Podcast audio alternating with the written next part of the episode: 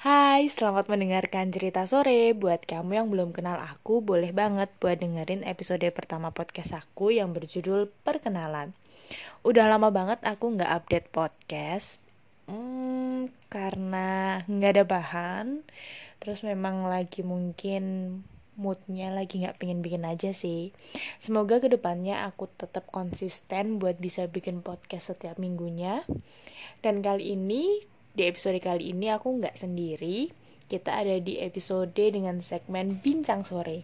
Di sini aku bakal ngajak bincang dan ngajak ngobrol salah satu teman aku. Dia itu salah satu temen KKN ku. Kita kenal tahun 2019. Kita bakal bahas apa? Dengerin aja deh. berhubung kita bikin post podcastnya barengan nah buat mengirit pembicaraan dan juga mengirit uh, kerajinan kita karena kita Kerajinan. berdua sangat malas jadi kita barengin aja podcastnya Ya ya, seka- eh, sekalian lah ya. Mm-mm. langsung kenalan aja deh. Jadi di sini tuh aku bikin podcast sama temanku, dia namanya Rizky Pra Rizky Pratiwi. Kalian juga bisa dengerin podcastnya yang bernama sabda ngelantur Terus aku sekarang juga bareng temanku yang namanya Alfio Putri Matahari yang sudah aku sebutkan di awal dan kalian juga bisa dengerin podcastnya di Cerita Sore. Oke. Hmm, kita bahas apa ya? Enaknya bahas KKN kali ya. Jadi tuh aku kenal sama Rizky ini tuh pertamanya tuh dari karena kita KKN, KKN bareng semester berapa sih? Awal tahun 2019 tuh semester berapa? semester 7 semester 7. awal pertemuan kita itu bulan Desember Iya, waktu apa namanya pembekalan-pembekalan pembekalan itu. pertama KKN di Fakultas Pertanian Ini tuh kita kan ikut KKN reguler ya. Mm-mm. Kamu sebelumnya ketika ikut KKN reguler ada nggak kepinginan satu kota yang memang pingin kamu KKN-in? ya Pacitan itu emang aku tuh dari awal pengennya KKN ke Pacitan soalnya aku tuh suka banget sama Pantai. es degan Aku tuh juga, aku awalnya juga memang pingin pingin banget di Pacitan kan.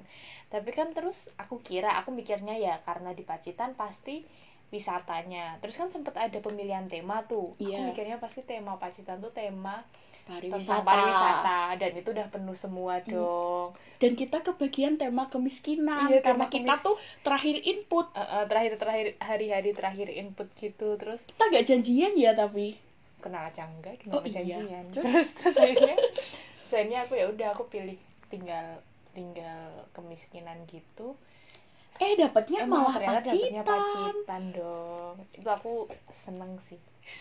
Aku juga seneng. Terus tuh first impression kamu ketemu aku gimana? Aku lupa. Kok bisa lupa? Aku tuh inget waktu pertama kita pembekalan tuh kamu tuh duduk sendirian di belakang. Hmm. karena emang aku tuh introvert ya. Alah alah, alah. kayaknya kamu tuh waktu pertama pembekalan tuh duduk sendirian dia di belakang. Apa first impressionnya apa ya? Ya kayaknya kamu pendiam pendiam aja gitu sih. Hmm. ya dan aku juga pendiam kan first impressionnya. Kalau first impression aku pas pertama ketemu kamu itu apa ya? Kamu itu orangnya beraura. Iya, bener. Beraura. serius. Dan ternyata nggak sengaja zodiak kita itu sama. Jadi kayak pertama aku ketemu kamu, Kamu tuh aku mungkin- ngerasa klik gitu kamu loh mungkin melihat aura zodiak yang sama ya. Mungkin bisa jadi. Tapi terus apa namanya? Tapi terus kita nggak pernah banyak ngobrol sih ki. Iya sih. Cuman aku ingat waktu kita sebelum berangkat KKN sarapan di Sarapan. depan kampus. Sarapan soto di depan kampus. Dan kita hampir ketinggalan bis. Itu tuh kita setelah upacara apa sebelum upacara sih? Mm, itulah. Kita kita kan telat upacara itu. Oh iya. Kita telat upacara aku belum sarapan juga sih. Terus aku baru tahu. Tapi lumayan itu soto di depan kampusnya. Ya udah besok kita Dan sarapan di murah. sana. Dan, dan murah. Berapa ya waktu itu? Empat ribu doang. Ah, ah, ah, murah itu. Itu sih pertama kali. Terus kamu naik motor. Terus aku kamu naik bis. terus sampai di Pacitan first Eh, impression kamu. eh, kamu ikut ikut survei nggak sih aku nggak ikut survei dong. Waktu itu aku masih sibuk bercumbu sama pacarku. Maklum ya. Aku waktu itu ikut ikut survei sih. Terus kayak kan first impression ke Pacitan itu Hmm. pertama kalinya aku ke Pacitan Iya. aku sebelumnya belum pernah ke Pacitan sama sekali. Kamu pernah? Udah pernah. 2016 dulu. Di Buyutan juga dekat tempat kita KKN, KKN aku tuh sebelumnya belum pernah ke Pacitan kan terus Heeh. terus pas pertama kali pas survei pertama kali ke tempat Pacitan terus kayak nggak ada sinyal. Itu sih first impressionku nggak ada sinyal.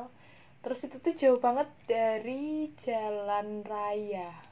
Tapi seneng karena deket sama pantai itu kayak wah aku bisa bermain setiap hari di pantai. Kayak enak sih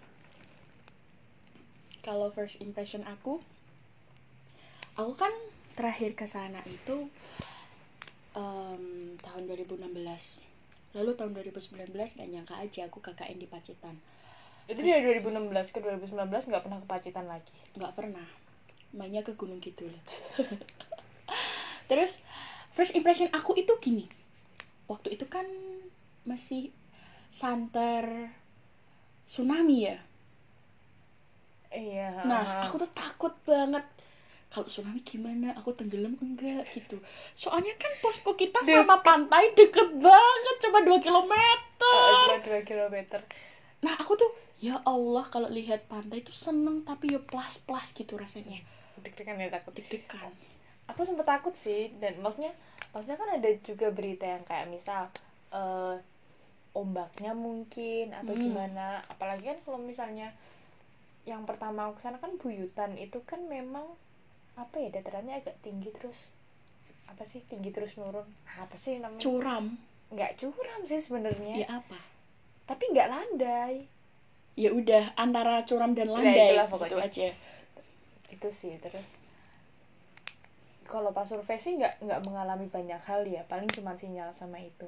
Pas pertama datang sih pas pertama datang. Nggak nyangka kita bakalan tinggal di situ 45 hari. Yang bikin aku eh oke aku sudah menyiapkan sinyal Telkomsel ketika itu. Karena sinyalku yang XL nggak ada sama sekali. Dan yang bisa dipakai provider di situ cuma Telkomsel.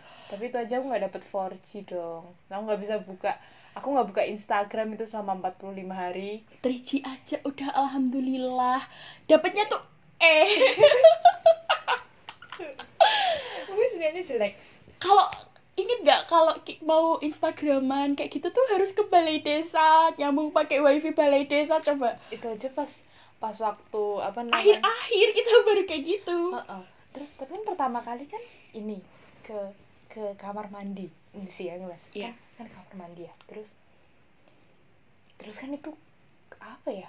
Bak baknya kan memang semen Tempat gitu lah. penampungan Ah, air. tempat penampungan airnya itu. Dan aku sering melihat entah cacing entah ya ya baknya itu kan apa namanya diambil dari kolam kolam air tadah tada hujan, hujan dari Hmm. tada hujan. Itu sih yang pertama aku jadi airnya rada-rada keruh. rada-rada keruh. Tapi ya alhamdulillah Ya, masih ada alhamdulillah air. masih ada. Dan untungnya kita ke sana waktu musim hujan. Jadi nggak kekurangan air. Nggak bisa bayangin kalau kita KKN bulan Juli di sana. Nggak ada air. Tapi nakutin juga. Ingat nggak waktu hujan badai? Itu ngeri banget. Waktu hujan badai terus si kita lagi ngajar. Mm-mm. ngajar sore-sore terus tiba-tiba hujan badai terus tiba-tiba orang tua orang tua pada datang ke rumah jemputin anak-anaknya itu loh. Oh iya malam-malam itu. Enggak enggak malam sore maghrib itu. Mau maghrib. Saya pada dijemputin itu kan. Terus kita akhirnya mati lampu. Oh iya. Ingat aku. Mati lampu belum masak terus sempet yang towernya itu ambruk. Hmm, jadi mati lampu lama banget jam 10 baru nyala. terus kan kita sempet mati lampu sehari apa dua hari itu itu oh tower sinyal yang Oh, hilang. Tiga hari apa dua hari nggak ada sinyal. Kita kalau misalnya mau itu harus ke balai desa dulu buat kalau enggak ke Betul, Punung ke kecamatan yang jaraknya itu sekitar setengah tiga- jam sekitar 30 menit. berapa kilometer ya? Ya pokoknya jauh lah. Gitu.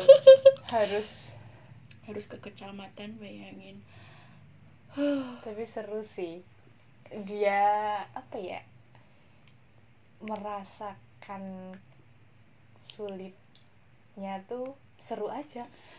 Apalagi waktu proker pertama kita di SD itu tuh jadi tuh kita tuh jadi tuh kita KKN di Iya. satu desa namanya Desa Widoro. Nah di Desa Widoro tuh ada enam dusun ya? Enam dusun dan ada tiga sekolah dasar.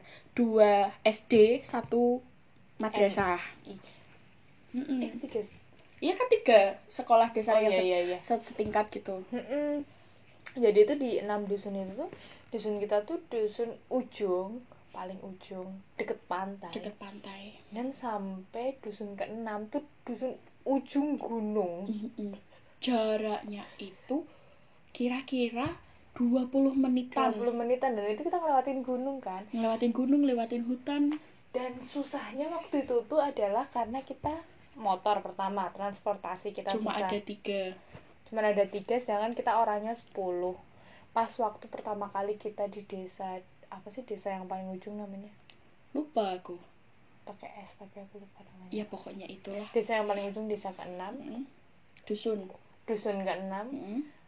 Hujan besar. Pagi hari. Pagi hari hujan besar. Kita bingung mau berangkat ke sana gimana. Broker pertama kita. Ini pada bolak balik sih akhirnya. Mm-mm. hujan gede sih. Soalnya memang di kalau di sana hujannya ngeri sih menurutku. Dan angin. kalau hujan pasti jalannya licin. licin. Itu menakutkan sekali tapi nah itu kan di SD Widoro 1 itu SD Widoro satu SD Widoro 1 yang paling ujung terus Oh, proker iya. SD kedua tuh di MI baru yang terakhir di SD Widoro 2 karena lokasinya paling dekat Paling dengan dekat, ya. dusun kita. Nah, yang menarik dari proker anak-anak SD ini, aku mau cerita dikit. Jadi karena kondisi alam yang tidak memungkinkan mereka eh, explore. Mm-mm, explore. Sek, sek. yang tidak memungkinkan mereka buat mengeksplor hal-hal indah yang menurut kita ya. Terus jadi tuh cita-cita anak-anak di sana tuh sangat realistis. Iya sih ingat gak waktu Eh, eh, eh, eh. kita di MI itu anak MI Chandra ya? Chandra M, anak MI itu.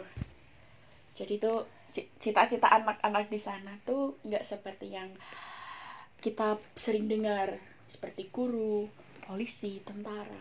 Tetap Mereka- ada orang yang apa, iya yang- tetap ada. Tapi kebanyakan dari mereka tuh memilih cerita yang eh eh cita-cita yang iya, realistis yang ada di depan yang mata. ada di depan mata seperti punya toko di apa deket pantai. pantai. jualan topi jualan kaos. Ada juga yang pengen jadi supir tangki supir tangki air. Supir tangki air. Terus waktu ditanyain kenapa pengen jadi supir tangki air? Biar bisa ngantar air bersih ke rumah-rumah. Soalnya di sini airnya susah. Gitu. Tapi tapi ya maksudnya oke itu sederhana itu polos. Maksudnya untuk orang denger kayak hah kamu pengen jadi supir tangki tapi apa ya ya mereka bener-bener masih polos gitu loh dan mereka punya pandangan kayak gitu menurutku keren. keren.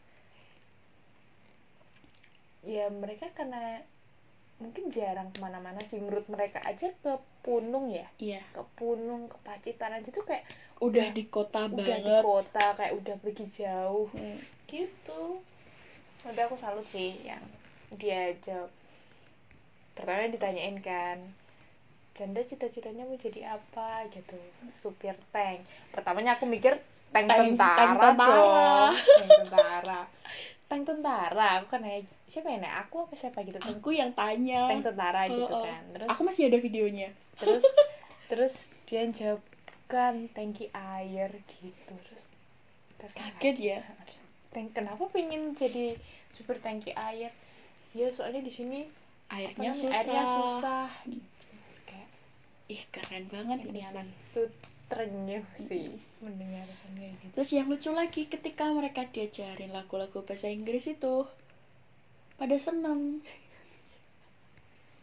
Seneng antara seneng karena baru mendengar kata itu atau seneng karena emang belajar bahasa Inggris di sana tuh masih masih jarang sih. Jarang banget Oh, oh, masih jarang.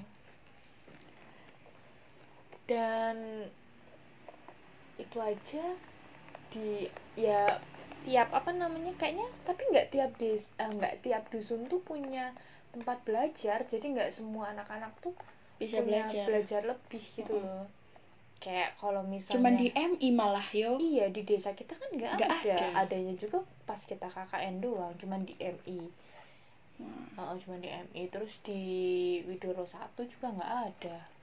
mm-mm.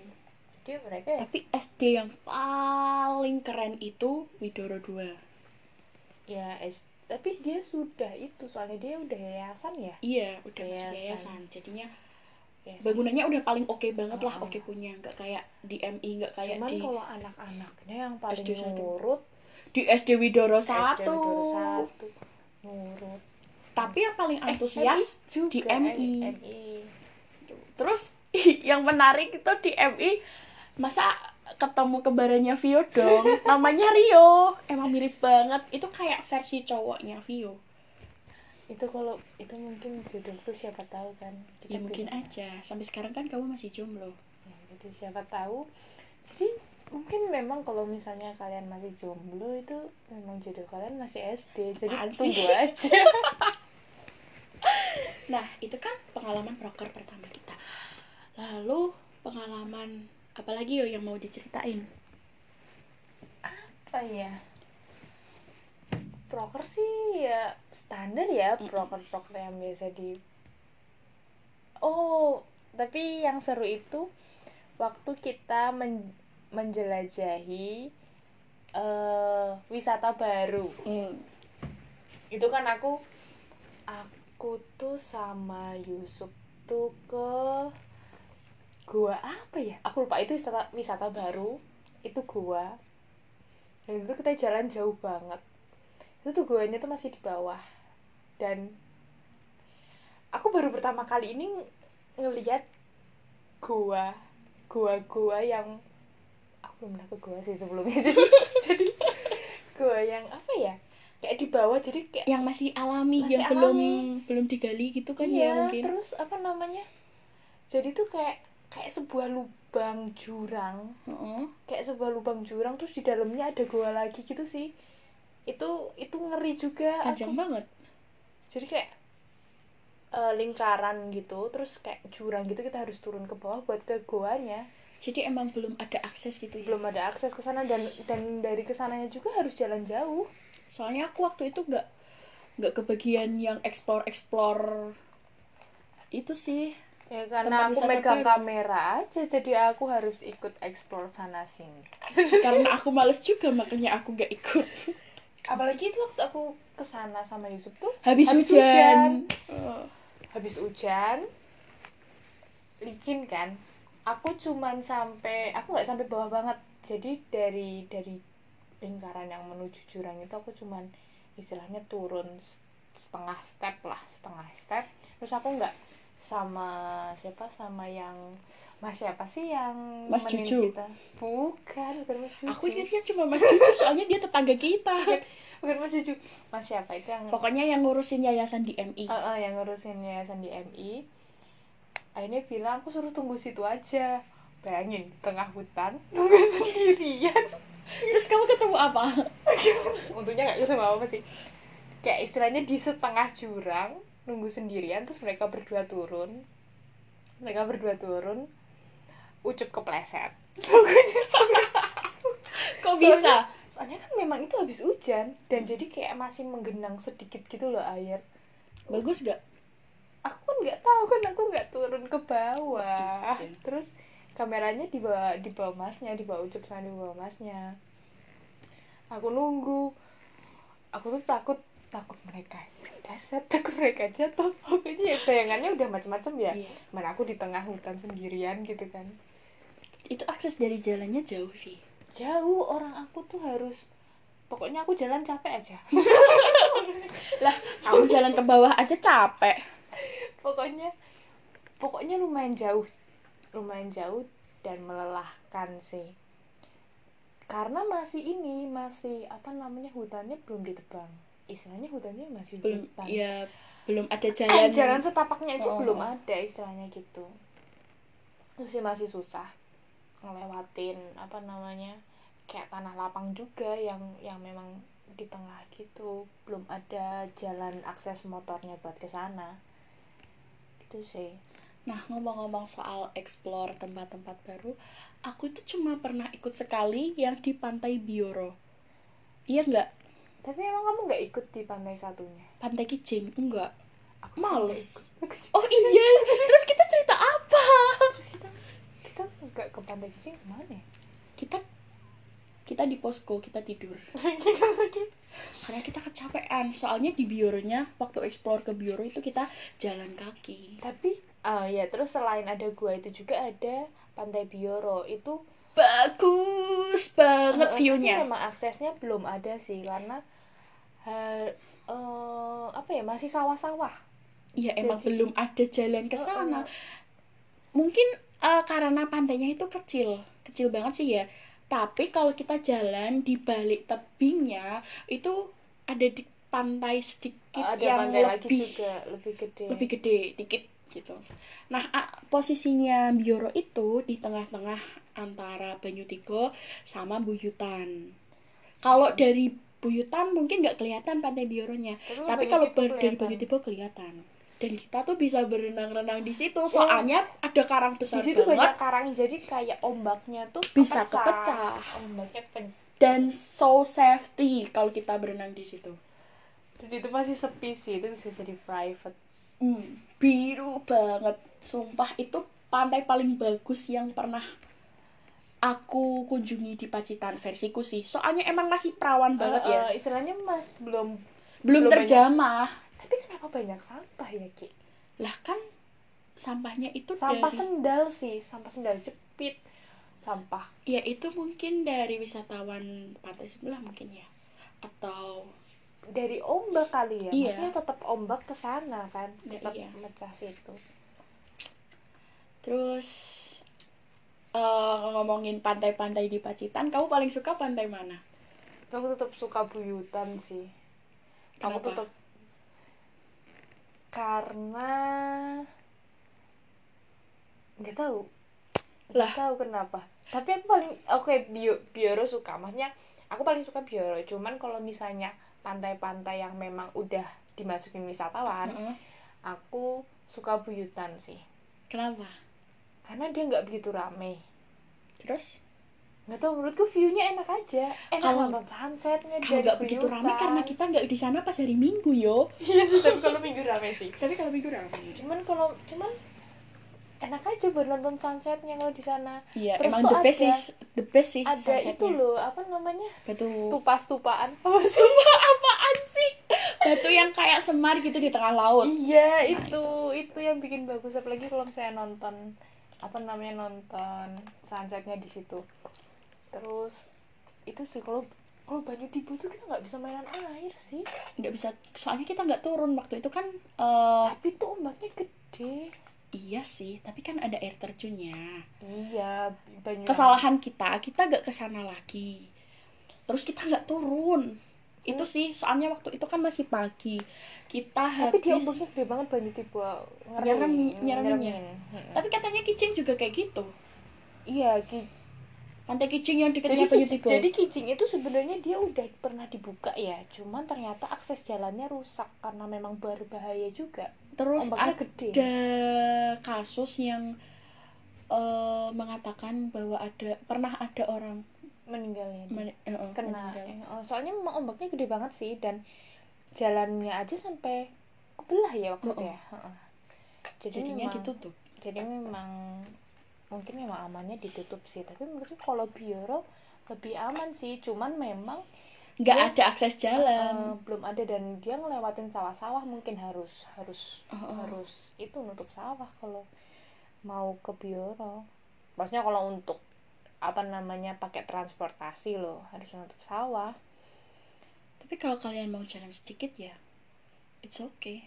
Tapi syaratnya kalian harus punya temen di dekat hutan tidak tidak memecahkan masalah sih seperti ini. Apa namanya? Kalau kamu mana? Kalau aku buyutan juga sih. Soalnya pantainya tuh panjang. Iya pantainya panjang. Terus? Terus menurutku masih bersahabat sih. Tapi nggak bersahabat banget sih yo. Jalannya yang waktu waktu yang turun itu. sebelah iya apa namanya? Menurutku eh, bentuk apa ya tanahnya yang bikin dia jadi terlihat tidak bersahabat apalagi aku pernah jatuh di situ eh oh iya eh, jadi ini jadi ke pengalaman KKN ya Mm-mm. ngomongin tentang pantai jadi inget jadi apesnya adalah ketika kita KKN itu entah kita mendapat penyakit dari mana jadi teman-teman KKN tuh pada terkena yang namanya kutu rambut selain kutu rambut. Ini gatal gatal Oh, itu tuh tapi sampai untungnya aku enggak. Yang enggak tuh cuma kamu sama Indah ya? Iya. Aku Mungkin kena tapi aku dikit? rajin mandi. Eh. Indah rajin mandi sih. Iya makanya aku sama Indah tuh rajin mandi. Tapi kita juga semuanya rajin mandi. Soalnya aku sama Indah tuh pasti nomor satu sama dua kalau mandi. Yang lainnya kan gak kebagian air. Jadi tuh jadi tuh mungkin entah nyamuk sana kali ya yang Mm-mm. memang ganas atau gimana istilahnya 8 dari 10 orang mengalami yang namanya gatal gatal-gatal merah gitu merah-merah. Udah coba yang namanya pakai detol ke puskesmas ke dokter minum obat alergi nggak ada yang ngaruh. Sembuhnya? sampai akhirnya sembuhnya Eh. itu berendam di laut. Sampai akhirnya terus eh, dikasih tahu sama Mbak Eh, mbah mbah yang tempat posko itu kalau misalnya suruh mandi di air laut sebelum jam 6 terus terus subuh subuh pada kebuyutan dong buat mandi air laut. Aku aku sekali. Kamu ikut nggak? Aku ikut terus kalau mandi di aku laut ikut itu. aku ikut sekali. Ikut sekali sih cuman memang aku nggak parah sih yang itu. Aku nggak nggak gatal-gatal nggak tahu ya kenapa. Emang aku tuh sama buyutan udah cocok kali. Nggak. nggak disambut makanya disambut dengan penyakit gatal. A- aku cuman dikit ada yang banyak. Jenny sih banyak banget. Oh, oh, Jenny. Kayak emang alergi gitu ya bentuknya. Nyamuk kali ya nggak tahu tapi kalau sih. nyamuk tiap malam kita nggak pernah digigitin nyamuk yo. Mungkin airnya sih. Air kali ya yang Air. cocok. Terus terus kan ngomongin pantai lagi nih pantai favorit kita Buyutan. Tapi di samping Buyutan itu banyak pantai yang ada di Pacitan. Misalnya Klayar Kasab Watu Karung. Watu Karung. Terus yang Sungai Tigo, Marun. Sungai Marun. Terus yang itu apa sih yo? Yang- Layar Layar udah ya? Udah Klayar yang apa? Nah, kita jelasin satu-satu aja. Yang pertama Pantai Kelayar. Pantai Kelayar di sana tuh ah paling kalian pasti udah tahu semua. Tapi Layar udah terkenal sih dan Udah terkenal banget. bentuk apa namanya Pantainya tuh unik, pantainya u- tapi iya dia unik unik banget. Ada dua pilihan. Eh, nggak dua sih, tiga ya.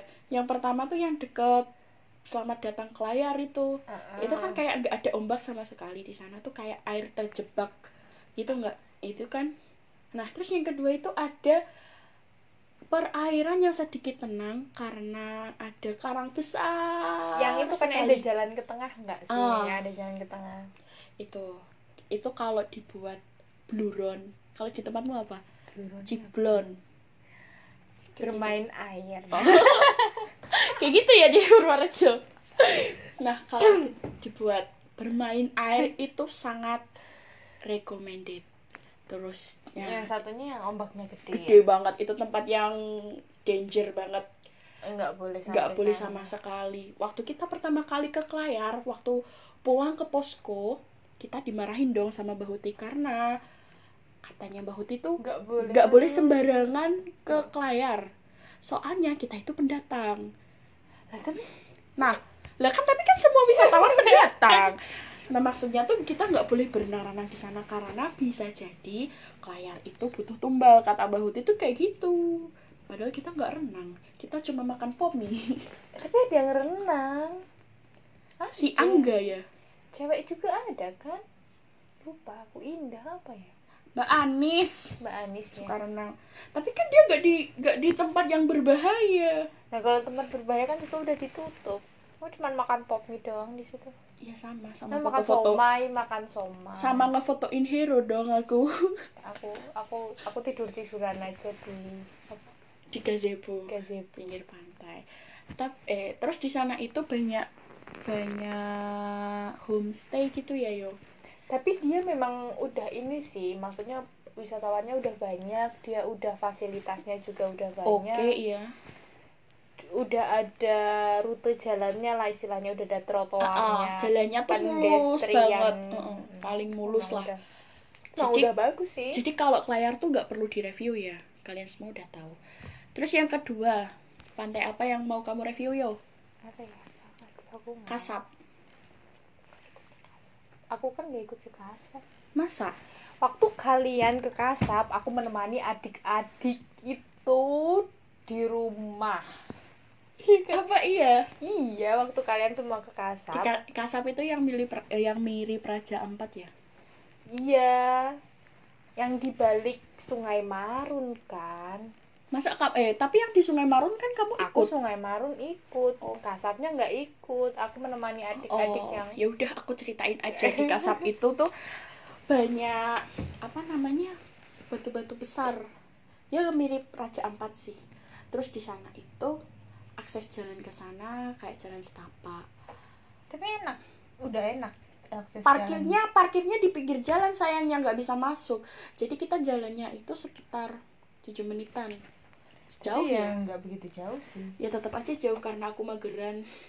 Terus ya uniknya di sana itu udah banyak spot foto Instagram eh, Instagramable.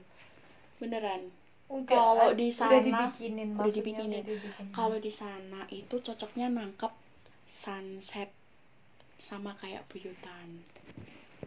Terus di sebelahnya pantai Kasab itu ada pantai lagi. Aku nggak tahu itu pantai yang berdiri sendiri atau memang itu gabungan dari pantai Kasab jadi tuh ada pantai yang landai. Kok landai sih? Apa ya?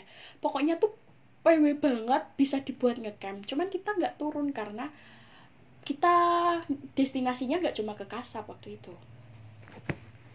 Ada satu pantai eh, pantai yang yang waktu itu surut. Buyutan. Bukan bukan bukan yang mana? Nampu. Oh iya ada pantai iya, Nampu. Nampu. Itu itu kita ke sana surut ya lagi surut. Terus kita bisa lihat ikan-ikan itu yang di Wonogiri bukan? Itu Wonogiri Emang itu Wonogiri. Pantai Nampu bukannya Wonogiri ya? Yang setelah Kijing kan? Iya. Waktu itu aku nggak ikut aku kan pulang. Tega ih nggak diajak. Kan kamu pulang. Oh iya. terus terus? Iya itu tuh di pantai Nampu. Itu kan karang ya dia dia memang pasir putih terus karang gitu. Jadi kalau misalnya pas surut ikannya tuh bener-bener kelihatan lucu-lucu gitu. Kalau aku lihat pantai surut itu cuma di Buyutan sih. Dapat bulu Tapi- babi banyak tapi banget. pantai surut buyutan tuh masih put masih pasir kan? Oh, sih. Kalau itu tuh karang surutnya karang. Oh surutnya Bagus udah dong. karang. Terus kit- itu ketemu sama Bobby Bing KKN enggak bukan pas itu. Oh, bukan ya? berarti aku Eh. salah dong. Pembimbing KKN pagi-pagi. Habis berarti habis ketemu Bobby Bing KKN baru ke Nampo kayaknya deh. Habis ketemu pembimbing KKN kita apa namanya kan paginya kan kita itu pupuk pupuk bikin pupuk. Bikin pupuk terus tiba-tiba pembimbing KKN datang tuh pagi-pagi kita belum mandi semua itu. Oh. Terus habis itu kayaknya kenampu. Ya itu. Bagus sih. Cuman kalau misalnya sebelum jam 12 tuh masih surut. Cuman makin lama tuh ombaknya makin gede. Jadi setelah sebelum jam 12 emang di situ tuh main. banyak perahu-perahu nelayan gitu? Banyak orang mancing. Banyak orang mancing ya. Kalau yang banyak perahu nelayan itu yang Sungai Marun gitu. Iya nggak sih? Pantai yang Sungai Marun itu pantai apa? Sepanjang? Pantai pa pantai apa? Sepanjang. Lupa ya namanya. Lupa namanya. itu tuh pantainya pasir iya sih eh, hitam. iya iya dia banyak dia banyak perahu nelayannya perahu-perahu. Kan juga bisa tapi nggak tahu ada ikannya kalau Sungai Marun menurutmu gimana? Oke sih. Oke sih. Bagus kurang panjang tapi aku ngerasanya rutenya rutenya nggak panjang. Ya karena kita gratis makanya nggak panjang. Aku masih kayak masih pingin lurus lagi cuman mungkin kalau lurus lagi udah nggak udah udah nggak daerah wisata kali ya. Maksudnya ya bisa jadi lebih ngerasa kayak di Thailand nggak sih? Thailand. Jadi inget film film Thailand kalau tersesat di pulau gitu. Tapi bagus sih. Apalagi kadang di jalan juga kayak ngelewatin rumah yang memang punya perahu sendiri Hmm. gitu kan. Vibesnya kayak di terus Itali. Bat batang pohon yang apa namanya ambruk misal itu baru Mm-mm. juga sih aku takut itu apa. Pohon kelapa. Vibesnya kayak di Venesia. Enggak dong Venesia kan rumah-rumah gedung-gedung oh iya itu apa gubuk Soalnya kan Astagfirullahaladzim hutan, hutan Oh, tapi iya. ngelewatinnya. Itu rutenya kalau panjangan lagi Dikit. dikit bagus deh bagus. Aku pengen, maksudnya masih pengen lurus lagi gitu loh. pengen menelusuri sampai ujung Terus apa sih Banyu? Kalau Banyu Tipu kayaknya nggak bisa main air deh di sana. Maksudnya nggak recommended untuk main air juga karena ombaknya gede. Banyu Tibo kalau kenanganku di Banyu Tibo itu beli pentol pertama di Pacitan dan. Oh iya. dan rasanya tuh nggak suka deh kayak cilok ya karena aku nggak suka cilok Tapi kenapa itu menjadi kenangan? ya karena aneh rasanya aku tuh biasanya makan pentol enak itu nggak enak dan dia itu berani-beraninya menggunakan nama pentol Jadi cilok. padahal dia cilok makanya itu aku ih kok gini Tapi anginnya gede banget di Banyu Tibo Banyu Tipu. Anginnya gede banget. Oke, pandai udah, maka kita akan membicarakan soal kuliner. Apa kuliner? Kuliner di Pacitan ya ada yang istimewa sih. Kayak gimana ya? Tapi- Kayak kalian semua pernah makan pasti yang pastinya. Tiap sore makan pentol. Pentol. Tap- tapi yang lewat di depan posko kita tuh enak pentolnya. Heeh, ya walaupun bukan dari ayam ya, ya paling nggak ada tepung lah ya. Dan dapet koyor. Itu sih Gaji. yang paling favorit. Terus Tapi makanan lainnya pun menurutku kurang ya. Aku nyobain mie ayam pun ya B aja. ku- kayak kurang bumbu seperti kayak gitu ya, Yo. Heeh, masih kurang sih. Terus yang Tapi di Pacitan sih itu sih tahu tuna. tahu tuna itu unforgettable banget enak soalnya ya Heeh. Tapi kan belinya harus ke Puno. Harus ke kalau nggak dikasih bu ibu kita nggak bakalan makan tahu tuna tuh Ya nggak bakal tahu tahu Iya. tunanya kita harus beli ke Punung. terus kuliner yang nggak terlupakan lagi itu gendar pecel Bener Pak. sama gorengan yang dekat rumahnya eh bukan dekat rumahnya dekat toko yang kita sering ambil uang itu loh yo Iya, pecel sama gorengan kan itu? iya Itu tuh pecelnya tuh dibungkus pakai daun daun jati jati dan murah banget. cuma Dua 2000 ribu. Terus gorengannya pun masih 500 ratusan. Itu kayak dan gorengannya tuh enak enak-enak semua soalnya anget bener-bener kita anget nungguin ah.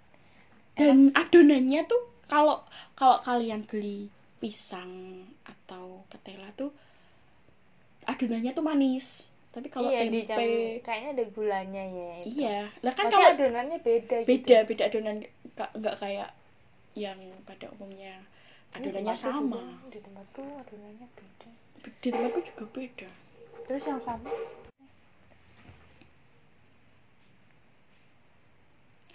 Gimana adonannya ya tapi tempatku juga adonannya ada gulanya sih kalau yang manis-manis gitu. Tapi aku tuh sering menjumpai di Solo tuh adonannya tuh rasanya sama. Jadi jadinya kalau kalian kali. Ya mungkin. Jadinya waktu makan gorengan di Pacitan itu hmm serasa serasa ada di Pacitan. Tapi makanan di Pacitan yang terus-terusan dibeli itu cuman pentol. Sama gorengan.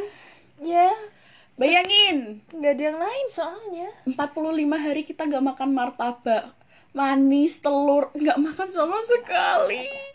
Cuma ada jual eh cuma ada yang jual roti bakar. Pun kita juga gak pernah beli karena Roti waktu kita mau beli tutup. Roti bakar mana sih? Roti Pasar. bakar dekat SD nggak ada di pasar nggak ada yo yang jual roti bakar. Oh iya terus di sana tuh pasarnya tuh berdasarkan itu dong hari hari pasaran? Hari pasaran Jawa. Pasarnya apa cuma Paing ada sama Kliwon? Paling sama kliwon. Paing tuh cuman pasar kambing. Pasar hewan. pasar hewan. Jadi dia nggak jualan sayuran. Yang jualan sayuran itu waktu kliwon. Jadi kita kalau misalnya belanja sayuran lima hari sekali. Nah, di sana tuh kalau aku ke pasar kan aku biasanya yang ke pasar ya, aku sama Hero. Kita tuh seringnya beli pukis. Pukisnya murah. 500-an. tapi tuh antrinya Ya Allah, aku pernah berantem sama ibu-ibu gara-gara beli pukis coba. Gara-gara aku tuh nggak mau diduluin. Ah, ah. Ya gimana ya, kita tuh antri dari pagi juga. tapi kan si tukangnya kenal ibu-ibunya daripada kamu Ya tapi aku nggak bisa, eh, tapi, tapi, aku tuh sering marah. gitu tapi sering ge- sering gitu kan Tapi aku tetap marah. Aku tuh gak suka kalau kayak gitu. Ya, aku Gak nggak adil. Ah. ya aku dandan jadi warlock lah. Makanya aku nggak takut. Terus aku juga pernah beli sate yo. Sate. Bayangin ya sate 3000 itu itu tuh di dalam pasar? di, di dalam pasar. Sate 3000 tuh udah include lontong sama dapat sate 5 tusuk. 3000 dong. Itu berapa jualnya tapi emang kalau rasa ya ya gak begitu enak sih. Ya. cuman anjir ini dapat untung gak sih yang jual? Kayak gitu. Walaupun tipis-tipis ya cuman maksudnya tiga ribu gitu kan ya murah banget murah ya. banget. Tapi makanan ya tapi di sana justru sayuran mahal nggak sih? Sayuran lebih Sayuran mahal. lebih mahal. aku juga heran karena ap- apa ya beli terong terong biasanya yang kita beli satu biji itu 1500 sampai 1000 lah. Di sana itu satu biji 3000 Iya, kalau di sana beli kalau beli tiga 6000 baru baru bisa bener. gitu. Nggak tahu kok sayuran lebih mahal ya. Tapi padahal di ya tanahnya kali ya nggak Mm. cocok buat berkebun. Mm-mm. terus waktu kita KKN dulu tuh juga waktu cabai mahal dan dan sedihnya yang nggak suka pedes tuh cuma Wawan. Iya sih. Tapi kan lawan lama-lama ini jadi suka pedes. Ya juga sih. Terus kuliner yang wajib kalian coba waktu di Buyutan itu mie ayamnya Mbah Huti. Promosi sekali oh dan menurutku itu paling paling oke lah. paling oke lah dibanding yang lainnya. Daripada kalian makan pop mie doang. Gitu kan ya Eh aku rekomendasiin karena emang kayak gini. Mie ayamnya itu rada-rada berminyak tapi aku emang suka tekstur yang seperti itu. Mie nya itu dibuat dari mie burung dara. Aku tahu persis mie eco. Mie, ya mie eko atau mie burung dara. Aku tahu persis yo. Karena aku karena ibuku sering bikin mie kayak gitu. Terus yang bikin enak itu kuahnya pakai kuah soto. Jadi nggak Hmm. nggak apa ya nggak biasa kalau di sana tuh itu sih. Tapi emang mungkin di sana nggak ada mie gilingan kali ya. Soalnya aku nemuin juga mie nya mie besar besar kayak gitu mie kan besar ya? besar nggak ada mie gilingan gitu. Terus ingat gak kita pernah makan di depan SD Widoro? Ya itu. Mahal ya? Termasuk mahal sih soalnya lele 16.000 ayam 20.000 iya untuk ukuran nasi lele nasi ayam. Dengan sambal lalapan. Kayak- tapi bedanya memang kok di daerah sana kali ya memang lebih mahal memang mahal mahal Mm. nggak tahu kenapa mahal mahal ya. Apa ada yang beli gitu loh? Soalnya menurutku kalau jualan sayur di sana juga orang-orang jarang juga lebih milih masak sendiri kali ya. Iya sih oke kita udah ngomongin makanan. Sekarang kita ngomongin tips-tips berwisata ke Pacitan. Yang pertama tipsnya tuh sebenarnya cuma satu. Enggak jangan disebutin dulu. Oh, iya. kita kita harus urut.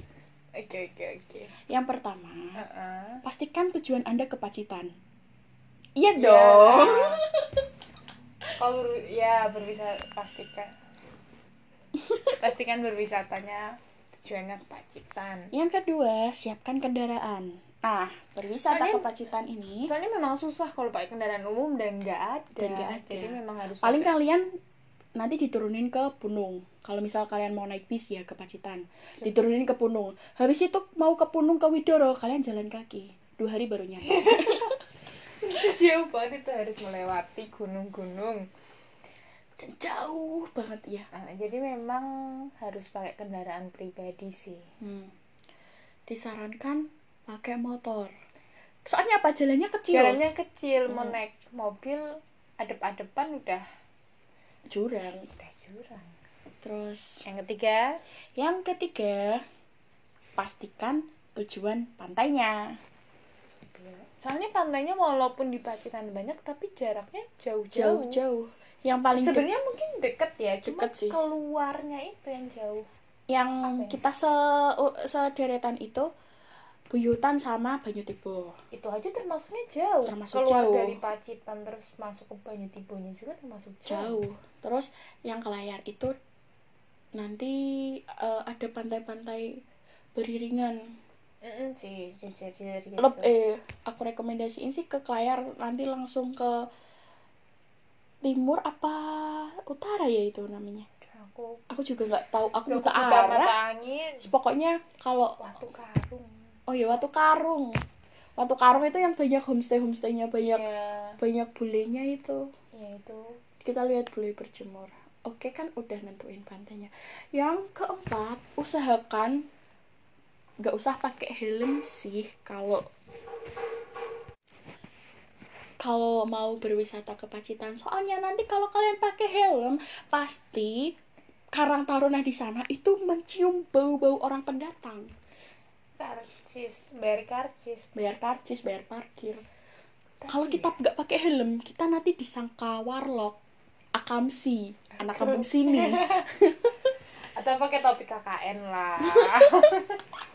Tapi ya nggak mungkin ini bulan apa pakai topi KKN terus usahakan datang bukan di weekend.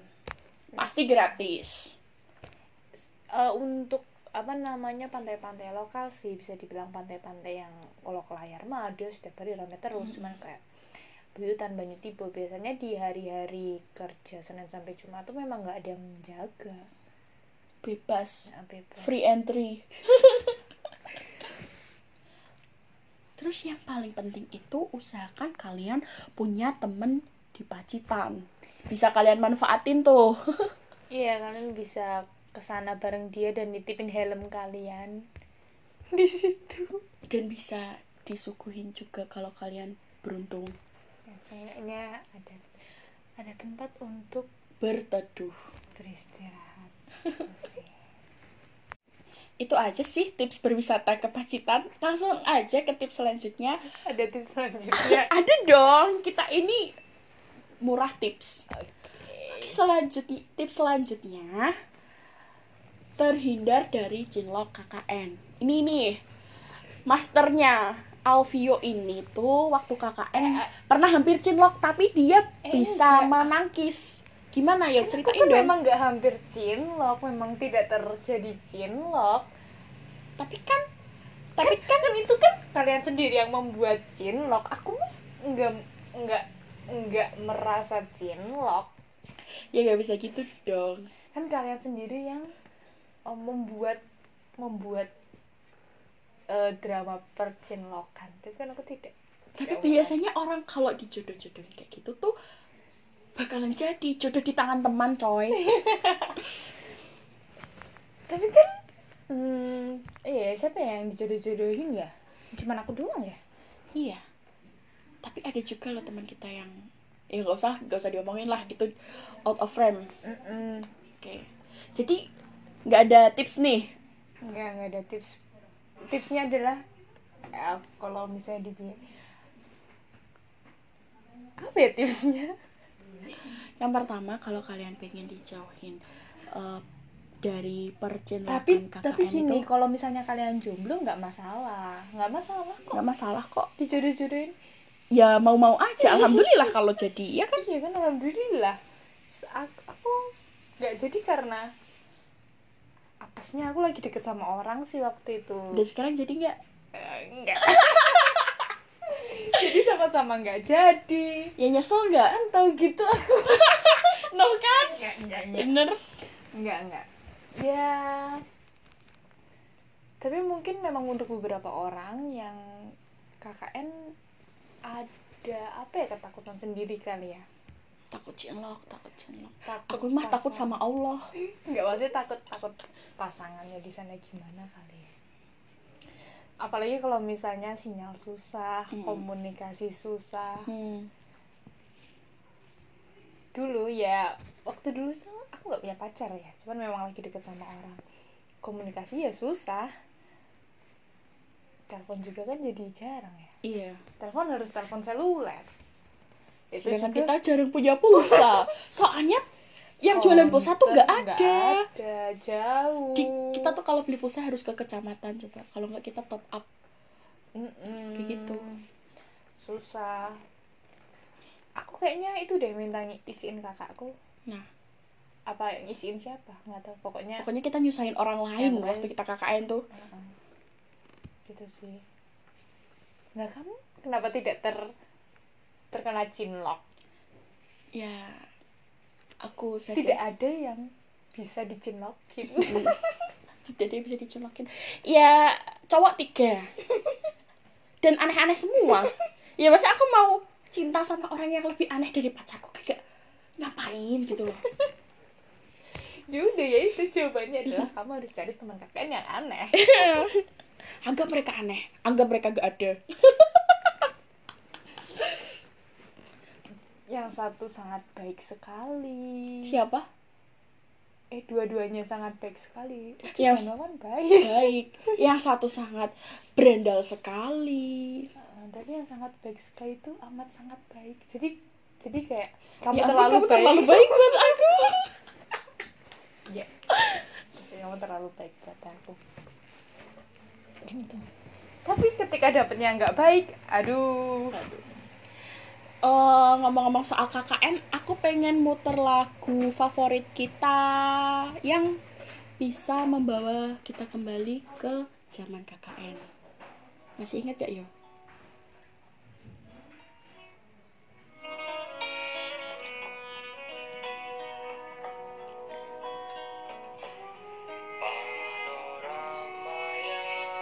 live-nya atau gimana sih ya nanti lah dengerin dulu aja deh ya tapi memang ini tuh kayak ini ya kalau dengerin musik ini ya ingetnya tuh kayak tidur tiduran di sofa nggak ngelakuin apa-apa nggak ngelakuin rocker Nunggu kita lapar baru masak. iya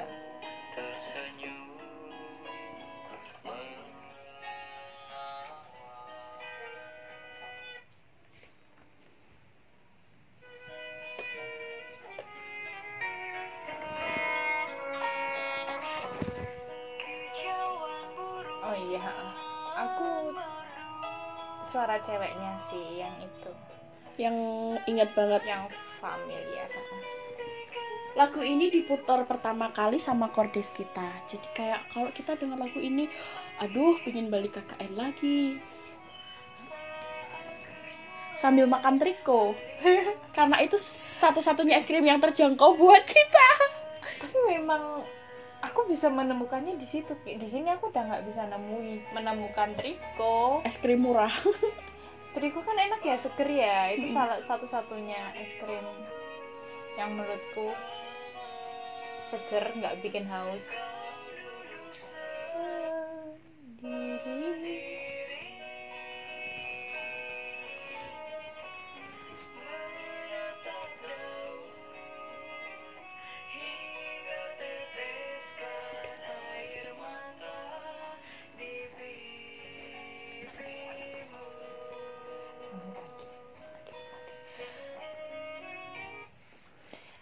sih paling apalagi yang mau kita bahas tentang KKN ya? Kita terlalu ke mana-mana sih bahasnya. Ya jadi kalau misalnya kalian sedikit bosan ya. Ya udah sih nggak peduli aku. Tak apa-apa ini mungkin bisa jadi teman kalian buat bermalas-malasan. Mm, kalian nggak perlu mendengarkannya dengan serius karena ini bukan hal yang untuk diseriusi. Mm-mm. Jadi gitu aja. Semoga ketemu lagi minggu depan. Tapi apa ya? Tetap aja deh. Aku juga nggak tahu bakalan bikin podcast lagi apa enggak. Soalnya aku nggak ada yang ngajak ngomong. Ngomong sendiri. Ya aku tuh kamu tahu kan aku itu goblok. Daripada ke mana-mana. Kita sudahi aja daripada ini juga sudah hampir satu jam daripada kalian bosan. Yang jelas bakal bosan sedari awal sih aku mikirnya. Nggak apa-apa karena memang kita membosankan. Hmm, kurang lebihnya mohon dimaafkan. Selamat beraktivitas. Dan selamat malam